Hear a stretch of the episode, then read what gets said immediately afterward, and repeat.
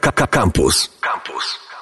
I naszym gościem już jest dziekan Wydziału Neofilologii Uniwersytetu Warszawskiego, profesor uczelni, doktor habilitowany Robert Małecki. Dzień dobry. Dzień dobry.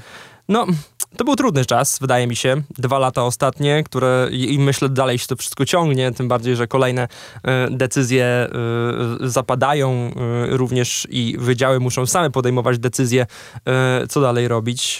no co za tym też idzie, mm, czas zwiększonego, zwiększonych wyzwań na pewno, zwiększonej liczby problemów, które, z którymi cały czas się muszą mierzyć chyba wszystkie wydziały i wszystkie uczelnie. Mm, no czy u was y, na neofilologii też jest takie poczucie, że mm, to ten, ten czas był faktycznie trudny, ale jakoś sprostaliśmy temu wyzwaniu, albo udaje się cały czas y, faktycznie z sukcesem funkcjonować. Powiem tak, zacznę od cytatu. Y, podczas kampanii przedwyborczej wróciliśmy do takiego stwierdzenia staurobiblijnego, po owocach ich poznacie. Więc najlepiej będzie, żeby to, jak sobie, albo czy poradziliśmy sobie z ostatnimi miesiącami pandemią i sytuacją wokoło, najlepiej niech wypowiedzą się ci, którzy mogą nas ocenić, bo sama ocena jest zawsze subiektywna i nie do końca odpowiada rzeczywistości. Prawda jest taka, że jak większość e, zespołów dziekańskich e, w tej kadencji 2024 zostaliśmy wybrani, powołani na, to, na tę funkcję w momencie, kiedy e, pandemia była już faktem, no i wszyscy musieliśmy się zmierzyć po pierwsze z nową organizacją e, studiów i dydaktyki jako takiej, no plus jeszcze dodatkowymi wyzwaniami związanymi przede wszystkim z pytaniem o to, jak organizować siebie, jak organizować nowe wydziały. Wydział neofilologii jest teraz w bardzo specyficznej sytuacji, dlatego że e, przez wiele, wiele lat byliśmy w trzech różnych lokalizacjach w Warszawie. Teraz bardzo intensywnie pracujemy wraz z zespołem rektorskim i wszystkimi osobami, które są w ten proces zaangażowane w, nad przeprowadzką do nowego budynku przy dobrej 55. Więc nie dość, że mamy do czynienia z, ze zmiennymi warunkami pandemicznymi na zewnątrz, to jeszcze mamy teraz organizację, przeprowadzkę do nowego budynku, organizację wydziału w nowym budynku. No, mamy też Konstytucję 2.0, która również y, jest pewnym utrudnieniem na pewno, albo pewnym wyzwaniem wyzwaniem może. Utrudnieniem będzie wtedy, kiedy okaże się, że nie potrafimy przeczytać jej ze zrozumieniem tak, żeby zastosować jej elementy na naszym poziomie, tak żeby, żeby była skutecznym narzędziem do pracy. Proszę pamiętać, że ta konstytucja, tak zwana konstytucja 2.0, która powinna się w zasadzie nazywać Wielką Kartą Nauki, ale ktoś nie chciał jej w ten sposób nazwać, bo nie umieścił tam tych elementów, które mogłyby się tam znaleźć przełożyła się na statut uniwersytetu, a potem również przełożyła się na przykład na regulaminy wydziałów. I obecnie bardzo intensywnie, w zasadzie wyzwaniem dla nas jest to, żeby zrozumieć, jak na przykład regulamin wydziału dostosować do tych dokumentów nadrzędnych, bo to tak naprawdę regulamin wydziału organizuje naszą pracę w zdecydowanie większym stopniu niż ta tak zwana Konstytucja 2.0. Wydaje mi się, że też jeszcze w tym cyklu nie poruszaliśmy tego wątku, który się, który się pojawił. Jestem bardzo zadowolony z tego, że się pojawił, że faktycznie te kadencje, te kadencje dziekańskie w, mm, zaczęły się już w czasach pandemii co, co tak naprawdę wydaje mi się, że przez to praca dziekanów wygląda w większości zupełnie inaczej niż e, takie, taka normalna kadencja, która by przebiegała. No tak, i proszę pamiętać o tym, że e, kilkanaścioro e, dziekanów, których mamy, to są w części osoby, które już wcześniej pełniły tę funkcję, a w części są to osoby nowe na fun- jako, jako funkcji dziekana. W związku z tym niektórzy z nas mają już pewne większe doświadczenie, niektórzy to, tego doświadczenia dopiero szukają i dopiero znajdują. E, ja jestem jako, bardzo się cieszę z tego powodu, jestem absolwentem tak zwanej Akademii Dziekanów, gdzie wprowadzono nas w podstawowe założenia funkcjonowania w ogóle uniwersytetu, poszczególnych jednostek i przedstawiono nam pewne niuanse, ale to jest oczywiście teoria, teoria, a praktyka, szczególnie teraz w ostatnich miesiącach, jest y, dość trudna. Pewnie gdybyśmy byli z założenia w formie stacjonarnej, to pewnie wiele rzeczy szybciej by do nas trafiało. Zdalność powoduje, że, albo ta częściowa zdolność powoduje, że i dostęp, y, i kontakty z pracownikami są rzadsze. Obieg dokumentów nieco inny niż standardowo, w związku z tym ja tak naprawdę, szczerze powiedziawszy, jeszcze nie do końca wiem, jak, albo nie wiem, albo może i dobrze, że nie wiem, jak funkcjonował dziekanat przed pandemią, tak? Być może za chwilę się okaże, że powrót do stacjonarności albo do, do czegoś, co się dokładnie nazywa postpandemicznym czasem, okaże się dla nas tym bardziej trudny albo tym bardziej złożony, że e, obecnie funkcjonujemy w zasadzie od samego początku kadencji w pandemii, tak? I trochę stacjonarnie, trochę zdalnie, więc to jest dla nas ta normalność, do, do której powoli się już chyba przyzwyczajamy. Czyli nowa normalność. No dobra. W czasach pandemii, w neofilologii, mm, wydaje mi się, że jest sporo nowych zagadnień, które faktycznie mm, moglibyście się nimi zająć i nowo, sporo nowych obszarów badań, nad którymi można się w ogóle pochylać. E, Wydział neofilologii to jeden z największych wydziałów na uniwersytecie i też tak. najbardziej złożony w swojej strukturze, co przekłada się zarówno na dydaktykę, którą organizujemy, jak i na badania, które prowadzimy. W związku z tym Wydział Neofilologii to nie jest jedna dyscyplina, tylko reprezentujemy w sumie ma bodajże pięć dyscyplin różnych. To się przekłada na kierunki badań, które oferujemy. Od września 2020 roku pracujemy nad komunikacją naszego wydziału w dużym stopniu po to, żeby uzmysłowić, że neofilologia to nie jest filologia w nowej odsłonie, tylko jest to po prostu zrozumienie świata. E, tak jak Leslie powiedział, tak, że humaniści to najwięksi ryzykanci naszych czasów. E, nie, humaniści to największy fundament naszych, naszych czasów. Ja swego czasu uczestniczyłem w takim spotkaniu Impact, e, kiedy to jeszcze ministrem był e, powracający obecnie Jarosław Gowin i wtedy pytaniem było, pytanie było do nas, do takiego grona ekspertów, jakie są wyzwania przyszłości, jakie będą zawody przyszłości. I ewidentnym efektem naszych prac było stwierdzenie faktu, że przyszłość będzie się opierała na komunikacji, na komunikacji między ludźmi, na komunikacji maszyna-człowiek, na komunikacji maszyna-maszyna. I to jest to coś, co dzisiaj my w ramach wydziału organizujemy jako dydaktykę, jako badania. Mamy 20 kierunków studiów w sumie, na pierwszym i drugim stopniu. E, współpracę z 75 uczelniami na całym świecie. Jak sobie spojrzeć na mapkę obszarów, które, które obejmujemy naszymi badaniami, jest to cały świat. I to nie jest, e, nie są to wybrane rejony, tak, żeby można było sobie powiedzieć, pracujemy nad całym światem, tylko naprawdę mamy, mamy iberystów, mamy italianistów, romanistów, germanistów, anglistów, którzy, e, hungarystów, którzy obejmują swoim badaniem naprawdę każdy najmniejszy nawet zakątek świata. Jeśli ktoś chce się czegoś, dowiedzieć, czegoś ciekawego dowiedzieć o Wyspach Wielkanocnych, to powinien trafić do nas, bo mamy u nas ludzi, którzy się tym zajmują. Jeśli, ktoś chce się, jeśli ktokolwiek chce się dowiedzieć tego, czym jest wielojęzyczność, powinien trafić do nas, bo to u nas prowadzone są w ostatnim, w ostatnim czasie bardzo intensywne badania nad tym, czym jest wielojęzyczność, czyli to coś, co dzisiaj w zasadzie jest tą nową normalnością.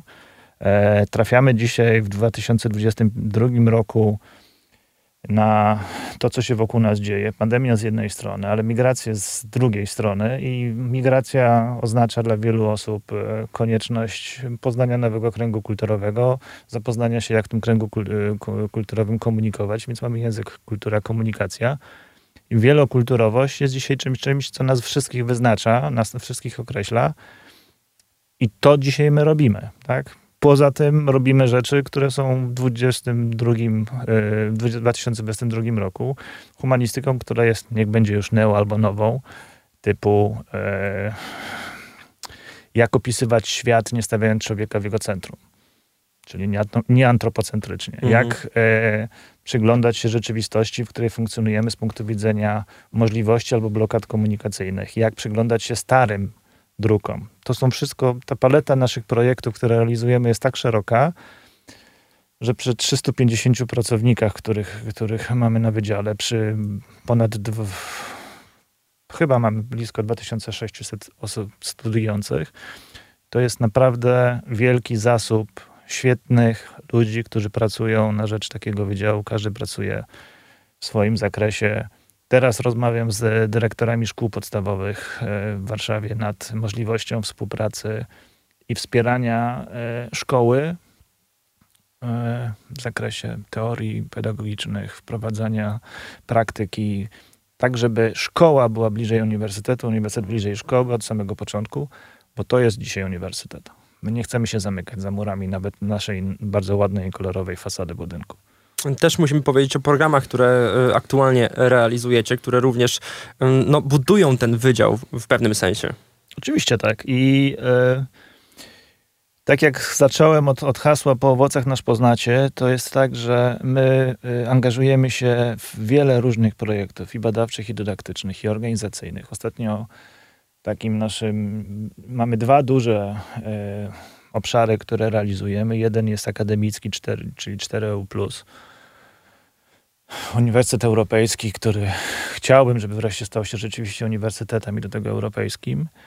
A z drugiej strony mamy e, przeświadczenie, że powinniśmy kształtować postawy naszych studentów i osób studiujących. To znaczy chcielibyśmy, żeby na przykład programy typu e, studenci dla otoczenia, gdzie w ramach e, tego programu realizujemy projekt Kultutor, gdzie chcemy we współpracy z bardzo wieloma jednostkami uniwersytetu e, kształtować kompetencje i wprowadzać naszych studentów Uniwersytetu Warszawskiego do e, projektu, w którym mieliby się przygotowywać do wprowadzania osób spoza naszego kręgu kulturowego językowego do naszego kręgu kulturowego językowego.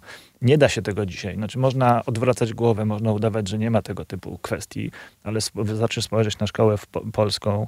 Każdy dyrektor, każdy nauczyciel w polskiej szkole będzie widział, ile ma osób, które nie wywodzą się z kręgu kultury polskiej i potrzebują naszego wsparcia. I takich ludzi chcemy. Kultutor rejestracja, jak już ma być tak autoreklama, do 25 lutego. Zapraszamy bardzo serdecznie, bo... Gdzie można znaleźć więcej informacji i znaleźć właśnie tę rejestrację?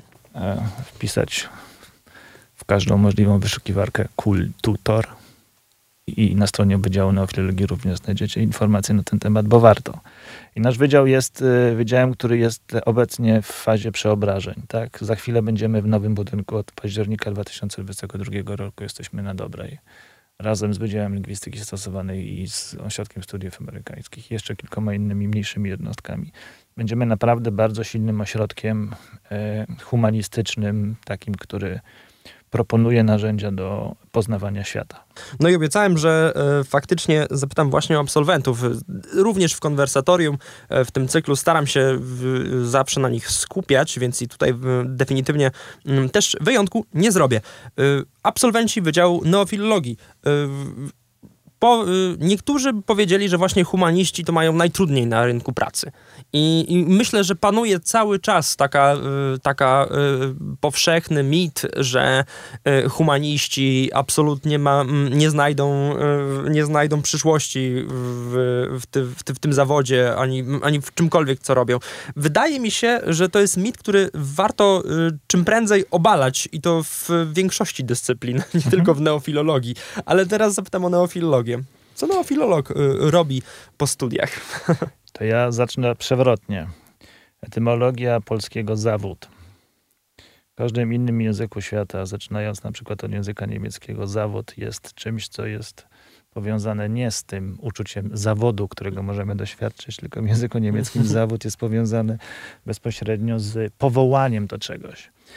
Więc my chcielibyśmy, żeby Wydział Neofilologii nie kształtował postaw, które za chwilę zostaną skonfrontowane z rynkiem pracy i będą źródłem zawodu większości osób.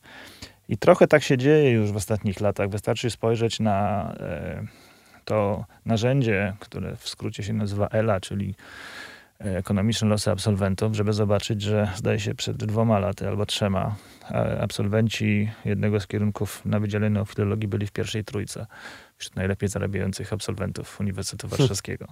A dlaczego? Przewrotnie. Oczywiście, dlatego że e, prawda jest taka, że my nie jesteśmy politechniką. My nie jesteśmy e, szkołą, która ma kształtować praktyczne postawy. My kształtujemy umysły. To brzmi być może dumnie, ale prawda jest taka, że nasi absolwenci to są osoby, które wychodzą na zewnątrz i w zasadzie są gotowe do podjęcia każdego wyzwania związanego z kreatywnością i komunikatywnością. To było to, o czym mówiłem przy okazji impaktu i pytania o to, co będzie w przyszłości, tak? Komunikacja. My nasze narzędzia opieramy na znajomości języka obcego, jednego, drugiego bądź też trzech. Mamy studia filologiczno-kulturoznawcze, które oferują z założenia znajomość dwóch kręgów kulturowych i przynajmniej dwóch języków i trzeciego jeszcze dodatkowego.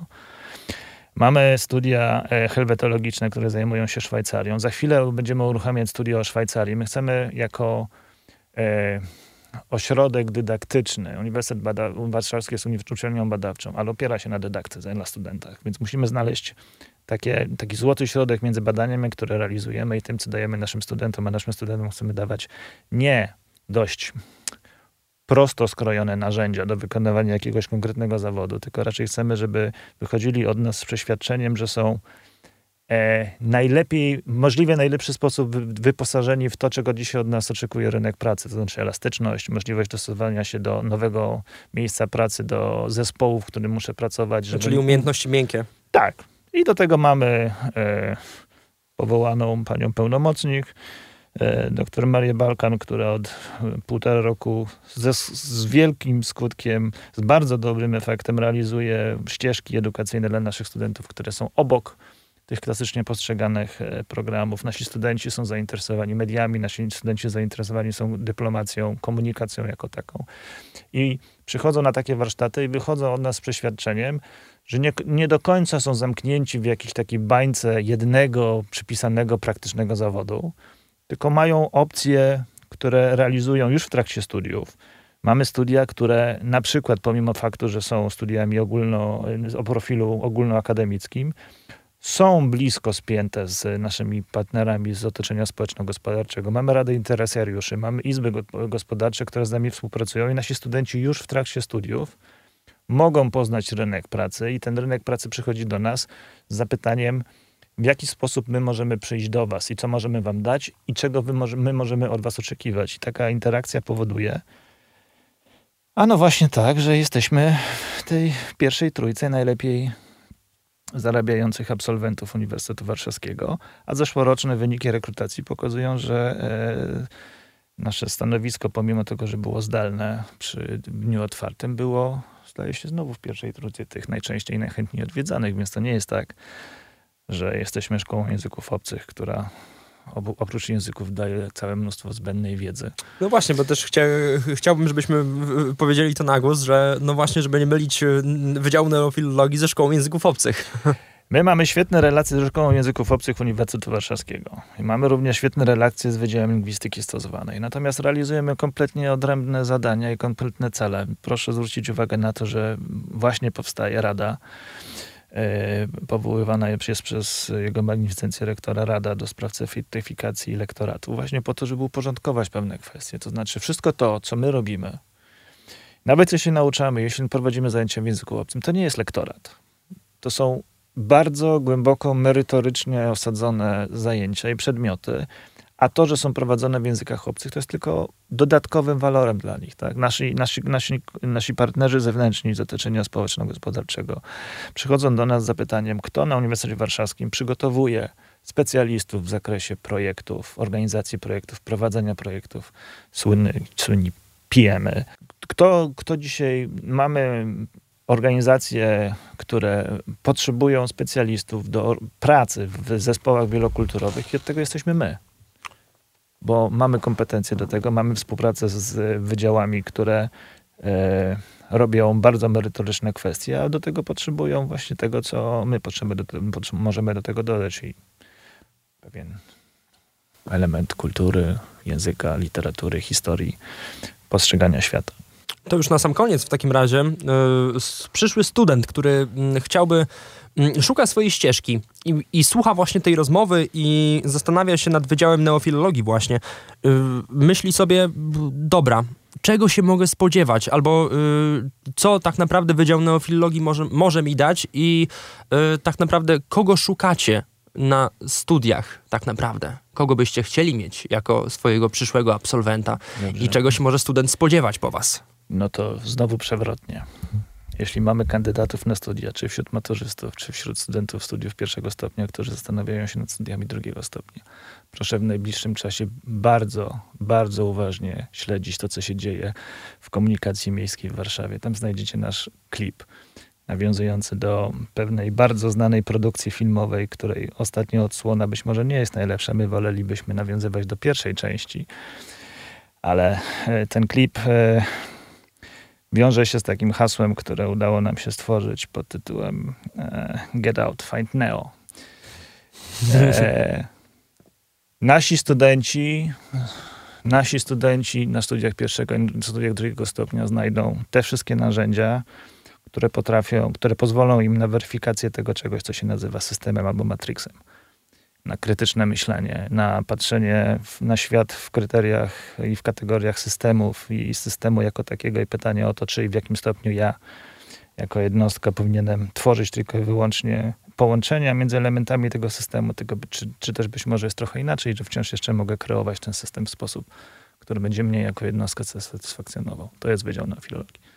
Profesor uczelni, doktor habilitowany Robert Małecki mówił o, y, jako dziekan tegoż wydziału, mówił o Wydziale Neofilologii Uniwersytetu Warszawskiego. Dziękuję bardzo serdecznie za tę rozmowę. Dziękuję bardzo, bardzo i zapraszam na Wydział Neofilologii, bo to świetne miejsce. Zapraszamy. Kampus Główny. To było konwersatorium, a rozmowę prowadził Kamil Kuć. Słuchaj Radio Campus, gdziekolwiek jesteś. Wejdź na www.radiocampus.fm.